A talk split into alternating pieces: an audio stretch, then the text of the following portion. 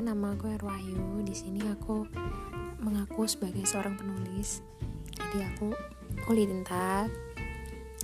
Uh, ah, aku bakal uh, ngasih tips-tips menulis di sini ya. Jadi ini ceritanya aku lagi belajar bikin podcast.